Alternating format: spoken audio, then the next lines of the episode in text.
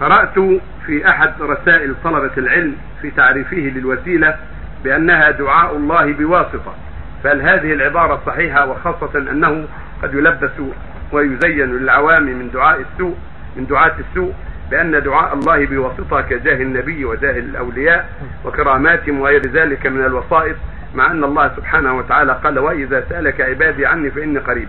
نرجو توضيح معنى الوسيلة لغة وشرعا وما هي الوسيلة التي يتقرب بها إلى الله. هذا غلط هذا تفسير الوسيلة غلط. الوسيلة فسرها العلماء بأنها القربة بالطاعة التوسل بالطاعات. قال جل وعلا يا أيها الذين اتقوا الله وابتغوا إليه الوسيلة. يعني القربة إلى بطاعته كما قال العلماء كابن جرير والبغوي وابن كثير وغيرهم. معنى الوسيله القربة إليه بالطاعة. وهكذا قول تعالى ولا يكون يبتغوا إلى ربهم وسيلة.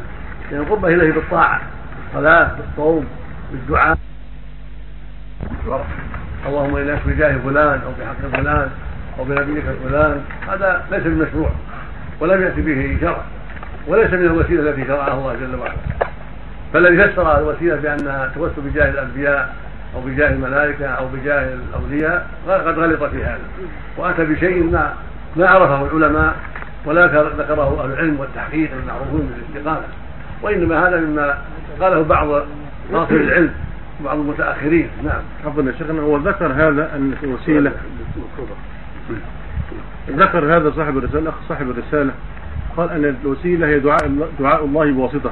ثم علق عليها بقوله اللهم بحبنا لك وبحبنا لرسول الله. هذا توسل هذا توسل بالعمل الصالح. نعم. لكن لأن حب الرسول بالعمل الصالح. لكن العباره الله هذه جائزة. حب الله بالعمل الصالح. فإذا قال اللهم انك بحب لانبيائك بحب نبيك بايماني بك باتباع لشرعك نعم. وطاعه رسولك هذا توسل بالاعمال الصالحه نعم.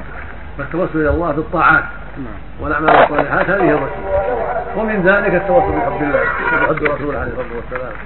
ومن مثل ذلك ما توسل به أصحاب الغار. لما انطبقت عليهم الصخرة وهم ثلاثة ولم يستطيعوا دفعها توسل إلى الله بأعمالهم الصالحة. واحد توسل ببره الوالدين واحد توسل بعفته عن الزنا والثالث توسل بأدائه الأمان. فالتوسل بالأعمال الصالحات هو الوسيلة الشرعيه نعم. إنما العباره غير صحيحه أما التوسل بجاه فلان حقيقة ليس من عمل الصالح كلمات تفسير الوسيله الدعاء إلى الله بواسطة هذه غير جائزة؟ لا هذا التوسل بواسطة المخلوقين يعني. ولم يقل مخلوقين واخلاقهم بل التوسل بأعمال الصالح بالأعمال الصالحات بالإيمان الايمان بالله بأسمائه وصفاته. كما قال عز وجل ولله الأسماء الحسنى فادعوه بها. الوسيلة ثلاث اقسام شرعيه التوسل بالله وباسمائه وصفاته. الثاني التوسل بالأعمال الصالحات بالتقوى والإيمان وحب الله ورسوله ونحو ذلك. والثالث التوسل بدعاء الحي وشفاعته. نعم. تقولون ادعو الله لي الله يغفر لي. توسل بدعائه لك اسال الله أنه يغفر لك فيدعو الله لك. مثل ما كان يدعو الصحابة في حياته صلى الله عليه وسلم.